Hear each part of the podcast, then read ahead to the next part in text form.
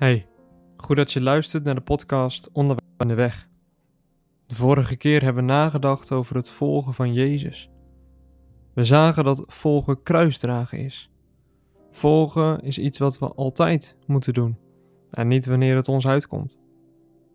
Maar ook zagen we de troost die er lag in het feit dat we het niet van onszelf hoeven te verwachten, maar dat God door zijn geest ons kracht wil geven om te volgen. Ja, zoals gezegd, is volgen kruisdragen. En dat kruisdragen ga je leren als je ziet op de kruisdrager zelf. Namelijk Jezus, die de weg ging naar Gogolta. Die het kruis op zich nam. Ja, die het zwaarste kruis droeg. Hij droeg het kruis met de zonde van zondaren. Als je iets daarvan gaat zien, ga je het ontdekken. Hij deed dat ook voor mij. Jezus ging die weg. Jezus droeg dat kruis, omdat hij niet wou dat zondaren verloren zouden gaan. Ja, als je dat gaat inzien, dan gaat er ook een streep door jezelf heen. Dan gaat er een streep door je ik. Dan ga je begrijpen wat Paulus zegt in Galaten 2. Ik ben met Christus gekruisigd. En niet meer ik leef, maar Christus leeft in mij. En voor zover ik nu in het vlees leef, leef ik door het geloof in de Zoon van God die mij heeft liefgehad en zichzelf voor mij heeft overgegeven. Dan ga je ook inzien wat Johannes de Doper zei. Hij moet wassen, oftewel groter worden, maar ik minder worden. Mag je zo de knieën buigen en vragen, Heere, leer mij zo u te volgen. We gaan nu door naar het tweede deel uit de tekst van Johannes 10, vers 27. We gaan kijken naar de zegeningen die Christus meegeeft. Hij zegt namelijk over de schapen: Ik geef hun het eeuwige leven. En zij zullen niet verloren gaan in der eeuwigheid. En niemand zal dezelfde uit mijn hand rukken. Jezus heeft het dus over diegenen die zijn stem horen en hem volgen. Ja, die een persoonlijke relatie hebben met Christus. Maar over wie specifiek heeft hij het? Het mooie is dat Ruil die vraag stelt en bij zichzelf afvraagt of dat alleen de zogenoemde geloofshelden uit de Bijbel zijn.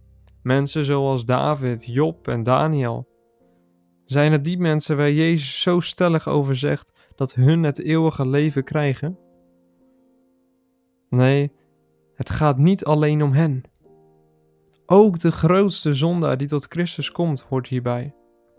Denk aan de tollenaar Levi of wat denk je van de moordenaar aan het kruis, waartegen Jezus zegt: Heden zult gij met mij zijn in het paradijs.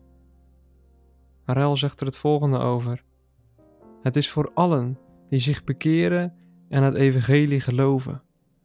Het is voor allen die treuren over hun zonde in het verleden met een ware droefheid naar God. Met geloof en gebed vluchten tot de Heer Jezus Christus als hun enige hoop hun algenoegzame zaligmaker, hun alles in allen. Zie je hoe rijk die belofte is? Als je zo je toevlucht tot Jezus hebt genomen, hoef je niet te twijfelen over deze woorden. Sterker nog, dan mag je niet twijfelen aan deze woorden, want de beloften van God zijn zeker waar. Misschien zeg je: Ja, maar mijn geloof is zo klein. En ik twijfel of ik wel genoeg berouw heb over mijn zonde. Mag ik wel zo stellig redeneren? Ruil geeft je dan deze op Gods woord gegronde belofte mee. Je geloof zal misschien heel zwak schijnen, maar als er zoveel is als een mosterdzaadje, als er genoeg is om je te brengen aan het voet van het kruis, dan zul je eens gaan bemerken dat je met alle gelovigen in de eeuwige heerlijkheid wordt geteld. We mogen nog een stukje dieper gaan. Want waarom zegt Jezus de woorden: En ik geef hun het eeuwige leven? Waarom geeft Jezus die belofte en al die andere beloftes? Is het ten diepste niet omdat wij zo snel twijfelen? Omdat wij zo snel denken dat wij nooit behouden kunnen worden? Is het niet omdat wij denken dat wij te slecht zijn? Wij te weinig geloof hebben? Omdat wij ten diepste naar onszelf kijken. Ja, het gevaar is dat wij wel aan het voet van de, aan de voet van een kruisheuvel Gogolta staan, maar vervolgens alleen naar onszelf blijven kijken, naar onze tekortkomingen en naar onze zonden.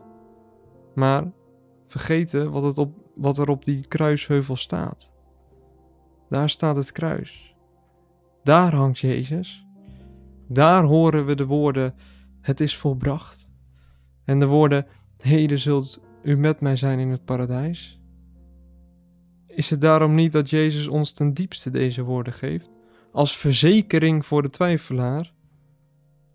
Marel zegt: Hij, dat is Jezus, heeft gezorgd voor deze en soortgelijke teksten als een opwekkend en versterkend middel om hun hart te bemoedigen en te verlevendigen wanneer ze zich neergeslagen en besluiteloos voelen, en ertoe neigen om hun pelgrimstocht door deze vermoeiende, aarzelend voor te gaan.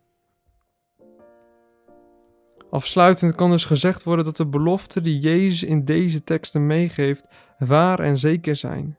En dat God niet een God is die liegen kan.